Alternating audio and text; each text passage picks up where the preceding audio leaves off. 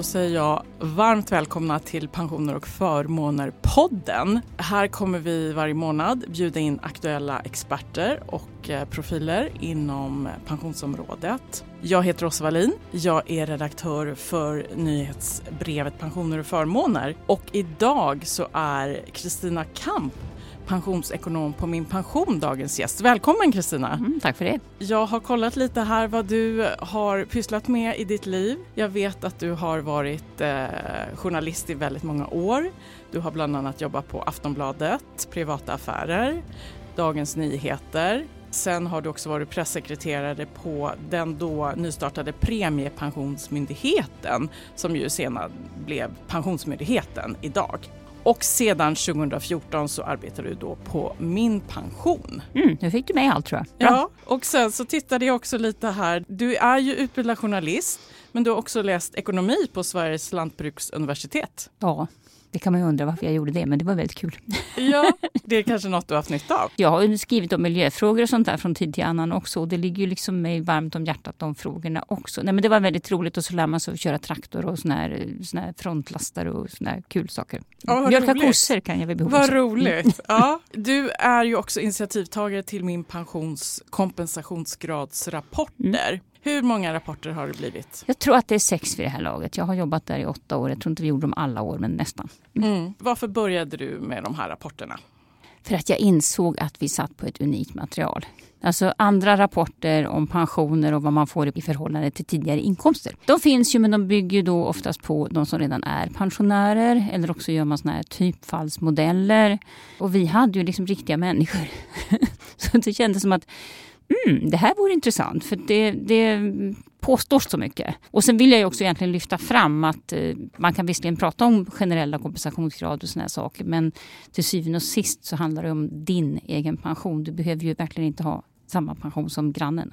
Är det någonting där du tycker att, att diskussionen ibland hamnar snett när det gäller kompensationsgrad? Ja, fast man ska väl skilja på individ och kollektiv tror jag. Alltså, ibland så pratar man om de här 75 procents kompensationsgrad och, och, att det ser så bra ut. Och, och det gör det säkert om man tittar på så att säga, kollektivt vad vi har haft för inkomster under livet och vad vi, vad vi sen får som pensionärer. Och så brukar man dessutom jämföra åren innan pension och åren efter pension. Och det är klart, på, på kollektiv nivå då tar man ju även med sådana som kommer från sjukersättning, a-kassa, sjukskrivning eller kanske har gått ner i arbetstid de sista åren. Kanske också tittar man efteråt på de som tar ut pension under kort tid, mm, femårsintervaller och såna grejer. Och det är klart att då det kan bli lite konstiga siffror kan jag tycka. För att jag tror att om du tittar på din pensionsprognos eller om man gör det, då, då, det där med 75 procent känns ju väldigt avlägset. Och det är väl så att på individnivå då tittar jag på mm, vad har jag för lön idag?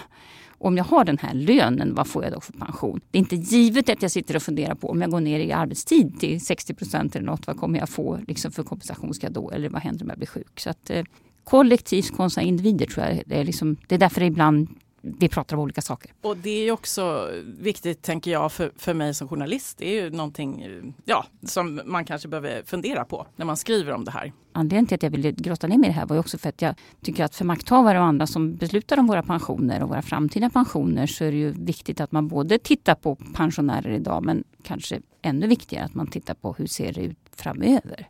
Mm. Så man inte liksom gör fatta konstiga beslut. Ja men precis. Och är det någonting som har förvånat dig när du har gjort de här eh, kompensationsgradsrapporterna? Ja, ganska mycket. Det första året så blev jag ju, det var liten aha-upplevelse, lite chockartad upplevelse faktiskt att jag upptäckte att herregud, då tittar vi specifikt mycket på 50-talister för de var ju liksom de som hade tjänat in till sin pension och verkligen stod i akt och beredd att gå, gå i pension. Och där var ju kompensationsgraden i genomsnitt 60 procent. Det var ju ganska långt ifrån de där 75 då. Och eh, det var en sak, det kunde man kanske leva med. Men eh, kvinnor hade ju överlag i alla kollektivavtal och alla inkomstnivåer så hade de en väsentligt lägre kompensationsgrad, alltså 5 procentenheter. Och vad innebär det då? Jo, det innebär ju att givet att du har samma lön när du slutar jobba, att de har 30 000 eller något, så fick ju kvinnorna 1500 kronor mindre i pension fast de så att säga hade samma lön när de slutade. Och det tyckte jag var, det var en aha-upplevelse för mig. faktiskt. Och vad berodde det på? Ja, det är ju som jag brukar säga, pensionen beror ju inte på den sista lönen utan på alla lönerna på vägen dit. Och då ser vi ju att kvinnor, åtminstone 50-talisterna, hade ju en annan arbetsmarknad eller deras arbetsliv såg annorlunda ut än männens. Mycket kanske deltid, mycket sämre löneutveckling, sämre löner. Ja visst. Det som har varit roligt att titta på däremot då, det är att den här sjätte rapporten som vi då kom med i strax före jul där ser vi ju att det här förbättras ju med varje generation. Så att gapet är ju väldigt litet bland 80-talister, det är liksom en procentenhet och bland 90-talister, nu är de väldigt unga, men där är det faktiskt så att kvinnor har högre kompensationsgrad än vad männen har på marginalen. Men ändå, så att det är väl bra. Så det går ändå mot en ökad jämställdhet där kan man säga mellan män och kvinnor? Ja, ja, det är klart. Då ska man i och för sig komma, nu tittar vi på kompensationsgrad, det vill säga vi pratar hela tiden om pension i förhållande till lön och det är fortfarande så att kvinnor har lägre löner. Men det är inte så att de så att säga dessutom får en lägre pension utan de får i alla fall samma pension och kanske till och med mer pension. Så att det är ju bra. Den andra spaningen däremot som kom sen, det var när vi tittade på utrikesfödda. Då gjorde vi liksom rapport två. Vi har alltid haft ett liksom special mm, tema. tema ja. Mm. Och utrikesfödda, där ser det ju mer oroväckande ut. Där ser vi ju, och då är det ändå de som har loggat in på min pension, vilket ju ändå är förhållandevis många men inte alla då. Vi har lägre andel utrikesfödda på min pension än, än de som är födda i Sverige. De har ju i genomsnitt en kompensationsgrad på 50 procent någonstans eller lite drygt och det är ju inte så kul. Det betyder att man får typ halva lönen i pension och där ser vi ingen förbättring.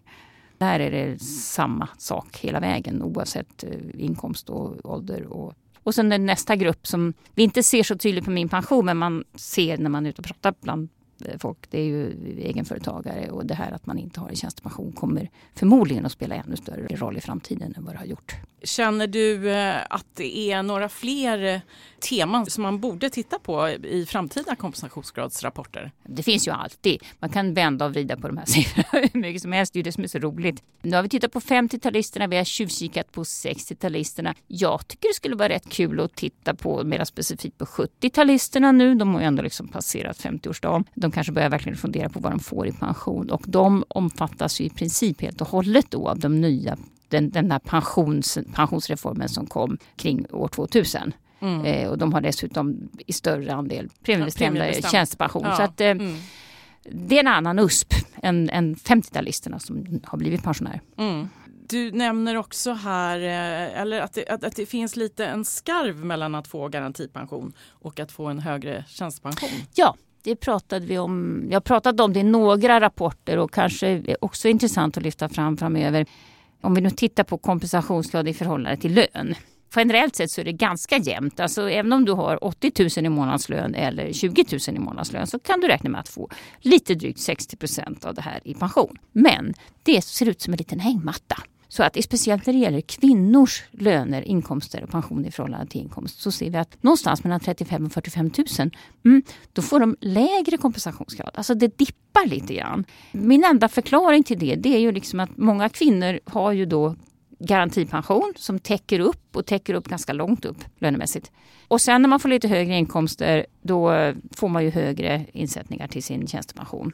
Men det är klart, ligger man där precis mitt emellan, när man inte får så mycket mer till sin tjänstepension och inte heller lyfts underifrån, då mm, det ser inte riktigt bra ut faktiskt. Sen är det här en ögonblicksbild. När jag träffar många kvinnor, också många i offentlig sektor och så, många kvinnor jobbar i offentlig sektor, så är det ju fortfarande och som kanske har gjort lite karriär i slutet av sitt liv och så där, så, så är ju de ganska besvikna för de ser ju att det, det ger ju inte särskilt mycket mer i pension.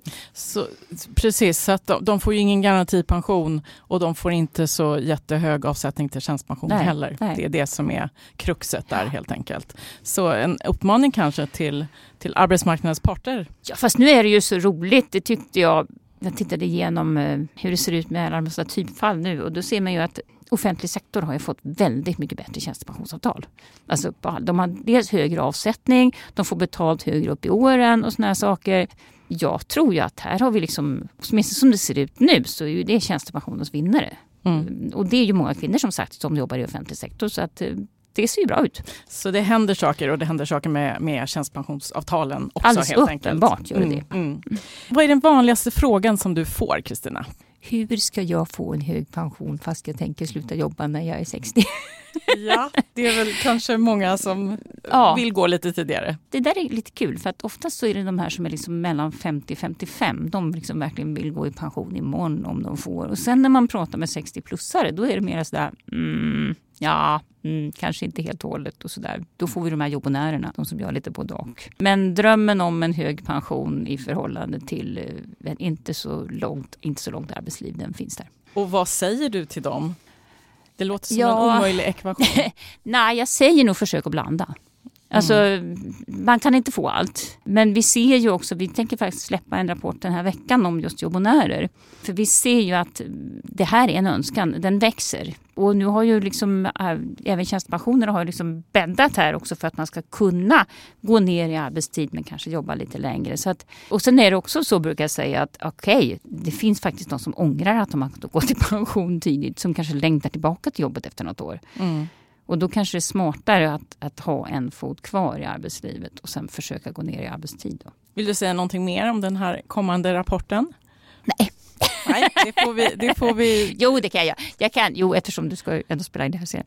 Vi lyfte lite på locket i Almedalen i somras, men nu har vi verkligen publicerat hela rapporten. Vi har alltså skickat ut en enkät till våra användare som är mellan 60 och 65 eh, frågat en massa frågor, men bland annat också om de redan nu till exempel varvar pension och arbete eller att de önskar att göra det. Och då visar det sig att det, i den här gruppen så är det redan 11 procent som är jobbonärer och det är ytterligare 20 procent som drömmer om att bli det, som verkligen liksom planerar att bli det. Och det är bara, bara citationstecken, inte ens fullt hälften som absolut svarar nej på frågan. Det här tror jag ju är det är så vi kommer att lösa det här med att vi kommer att börja behöva jobba längre. Mm. Alla orkar inte, vill inte, men det här är liksom en, en väg framåt tror jag. När ni har tittat på den här statistiken och eh, gjort de här rapporterna, är det någon del som du känner som har berört dig? Jag har blivit lite förtvivlad de här första åren med det här med kvinnorna. För det tyckte jag att, men herregud, liksom ungefär, vi fick delad föräldraförsäkring 1974. Och liksom, ja, eh, så det här känns lite trist. Å andra sidan så verkar det ju ändå rätta till sig. Även om jag blev lite besviken på min egen generation. Liksom, herregud, vad, vad, liksom, ja. Sen så jag är ju väldigt mycket ute och möter människor på alla möjliga sätt. För det är liksom mitt uppdrag lite grann att framförallt nå de som inte spontant skulle liksom ratta in på min pension och som har lite ångest för det här. Och många har ju ärligt talat skäl att ha ångest. De är sjuka, de är utslitna. Det ser inget bra ut. De har inte haft speciellt höga löner och de är oroade för framtiden. Det är klart att det, det berör en. Det berör mig och, och ibland har man faktiskt inga svar. Man kan säga sök bostadstillägg och allt det där. Ja, men det tar ju sin tid. Vad ska jag göra här och nu? Mm, mm. Eh, jag hör ju också de som har sjukersättning som liksom plockar ut pension så tidigt som möjligt för att liksom ungefär kunna betala räkningarna. Och så det är jobbigt. Samtidigt är det roligt de där gångerna. Jag minns jag var på tippen häromdagen på återvinningen och då kommer en glad gosse och säger Hör du, har inte du koll på det här med pensioner? ja, säger jag. Och du vet, då berättar han för mig att han har total koll. Han har verkligen liksom utnyttjat all möjlighet att få information. För så är det ju. Det finns ju jättebra information och folkinformationer mm. som alla har tillgång till. Och han hade ju gjort hela hemläxan. Han hade liksom precis visste risknivån på sitt fondsparande, visste precis hur mycket han skulle få om man gick i pension vid 64 eller 65 eller, då blir man glad. Mm. Så det, fi det, finns både det här, de som inte kommer få en särskilt bra pension då av olika orsaker, men de som tar tillfället i akt och eh, tar till sig informationen. Ja, och det är kanske inte givet att han får så särskilt mycket högre pension, men han är i alla fall på något sätt förberedd på det. Det är väl liksom det vi vill trumfa ut. Att förstå hur det funkar, förstå det hyfsat tidigt i livet och sen får du, får du på något sätt fundera på hur just du vill ha det det är alltid bättre att börja fundera på det ju yngre man är. Mm. Så är det ju. På tal om det här då med garantipensionen till exempel så har ju den höjts i ett, ett riksdagsbeslut. Och eh, du får en fråga här från förra gästen som var Charlotta Karlberg som är VD för Folksam tjänstepension. Och hon tänker då att i och med att det har kommit flera olika pensionsförslag från eh, politikerna, hur stabila blir då min pensionsprognoser när det blir liksom lite förändringar och tillägg i de här grundläggande förutsättningarna? Ja, vi kan ju också säga hela CAP KR, det här nya avtalet för kommuner och regionanställda har ju också ställt till det. Men det är ju vårt jobb vi, vi ska ju liksom ratta verktyget så att det fungerar och det är klart att vi får liksom anpassa oss till verkligheten. Så det gör vi ju löpande. Sen kanske det inte liksom dag ett fungerar precis som det ska. Men vi jobbar verkligen på det och det är ju, därför försöker vi verkligen att lyssna av. Men det är klart att det är ju inget önskeläge när världen hela tiden förändras. Och rådet till användarna blir ju det att det är klart du kan inte bara göra en prognos liksom och sen vänta 20 år utan du måste nog hänga där lite oftare just för att världen förändras. Mm. Och det är ju ett bra tips. Mm. Går det att säga vad som är en rimlig pension? Nej. Nej. Eller ja, då är vi inne på det där. Häng på min pension. Fundera. Alltså, vad behöver jag? För det är också så Alltså, vi kan inte liksom trolla med pengar som inte finns. Utan antingen så, så det finns egentligen två sätt att höja sin pension. Tre. Mm. Höja lönen jättemycket, mm. lätt. Jobba längre, mm. hyfsat kanske, men man ska ha jobbet kvar också. Eller också sparar du. Och alla de där innebär ju att man avstår i någon mån. Så det måste man ju fundera på, vill jag ha pengar här och nu eller vill jag ha mera pengar imorgon? Och så får man ju blanda den korgen så som man vill, kan jag inte säga, för det är inte alltid så att man får som man vill. Men, men därför så vet jag inte. Alltså jag träffar ju de som tycker att Åh, får jag 12 000 efter skatt i pension? Men det är ju jättebra. Vad händer om jag går ett år tidigare? Och så har de liksom järnkoll och de har avbetalat huset och allt sånt där. Och så finns det de som liksom får panik när de inser att oj, jag kommer bara få 40 000 i pension, hur ska jag klara det? Så att, eh, nej, det finns inget rimligt svar på detta. Nej, det, det handlar om hur det ser ut för individen ja. helt enkelt. Är det någon del där du ser en, en positiv utveckling när ni har tittat på de här prognoserna? Dels det här med kvinnorna som jag sa tidigare, att det är roligt och det bygger på naturligtvis att eh, arbetsmarknaden ser bättre ut för kvinnor. Kvinnor pluggar mer ja, och så vidare. Men sen också tjänstepensionerna tycker jag ju faktiskt är Alltså, det är klart att politiska reformer är ju mera trögrörliga. Det fattar ju jag och de ska dessutom ta hand om liksom alla medborgare. Och tjänstepensionerna har ju fördelen att de är ju liksom mer lokala. Det är liksom en grupp. Och där kan man ju naturligtvis anpassa tjänstepensionerna mycket mer till det kollektivet. Eh, och det gör man ju. Sen har det väl i och för sig också varit så att det har varit ganska goda tider på arbetsmarknaden så att det har funnits förutsättningar att bygga på och bygga ut. Mm. De sista åren har det ju hänt mycket mer på tjänstepensionssidan än vad det har liksom gjort i den allmänna pensionen. Mm. Och, och, det ska vi vara glada för. Jag tycker att det är bra att det finns två kärl här. Att det liksom inte bara är en allmän pension och sen får vi liksom rätta oss efter den. Utan det finns tjänstepensionen också som kan faktiskt balansera upp det hela. Mm, mm. Vår nästa gäst det blir då Rickard Grötheim från eh, Sjunde AP-fonden. Vad har du för fråga till honom? Ja, då är jag ju jättenyfiken. Och alltså, det har ju ändå börjat, som en bubblare har det ändå pratats om att om man nu möjligen skulle höja avgifterna till den allmänna pensionen man kanske skulle lägga de pengarna på premiepensionen. Och då skulle jag ju höra vad Rickard tycker om den idén. Helt enkelt öka avsättningen ja. till premiepensionen. Ja men spännande, spännande. Det är... Nu har han ju slutat så nu kanske han vågar säga vad han tycker. Exakt, exakt. exakt. Ja, men det, blir, det blir jättespännande. Vad tycker du annars? Tycker du att ni har fått det genomslag ni önskar att ni hade fått med de här kompensationsgradsrapporterna? Har du fått mycket reaktioner på dem? Jag tror att det är ganska många som läser om, framförallt de som kanske då ska fatta olika beslut av olika slag. Jag hoppas liksom att jag bang, hamrar in det där och att jag verkligen att man förstår skillnaden på individen och på kollektivet. Går inte det så får vi väl kämpa vidare då. Helt enkelt, ja. Och eh, du ska ju nu då efter en väldigt lång karriär själv gå i pension. Mm. Hur känns det Kristina? Lite läskigt. ja. och jag brukar ju säga att pensionstiden är en femtedel av ditt liv, typ 20 år eller någonting. Så att eh, vi får väl se vad vi ska göra då. Det är lite kul att hitta på något nytt. Har du koll på vad du kommer få i pension? Ja. Men jag är ju faktiskt redan jobbonär. Jag gör ju som man gör i min ålder. Man tar ut lite pension redan nu, även om det är blodiga skatter på de där pensionerna. Det är jag är sur över varje dag. Men eh, nej, jag vet vad jag ska få i pension. Jag kommer nog klara mig tror jag. Ja. Och du då som själv har erfarenhet av att vara jobbonär, vad, vad ser du som fördelarna med det? man orkar mycket mer. Det, jag är visserligen pigg och glad 60-plussare men, men det är klart att man blir tröttare med åren och det är, man upptäcker också kanske att man inte är odödlig. Så att eh, det är en jättebra kombination av både att ändå få pengar, lön fortfarande och att känna att man hör till. Vilket de här, i den här rapporten framgår med önskvärd tydlighet att man vill ändå liksom bidra och känna att man hör till på något vis. samtidigt som du får friheten. Så att, och det är en, en, jag som är gammal arbetsnarkoman är ju, behöver ju också liksom lära mig. Trappa ner ja. lite långsamt. Helt ja. Ja, nej, men vi hoppas ju också att det blir fler kompensationsgradsrapporter, givetvis här. Jag ska ha en efterträdare. De får väl ta över det där.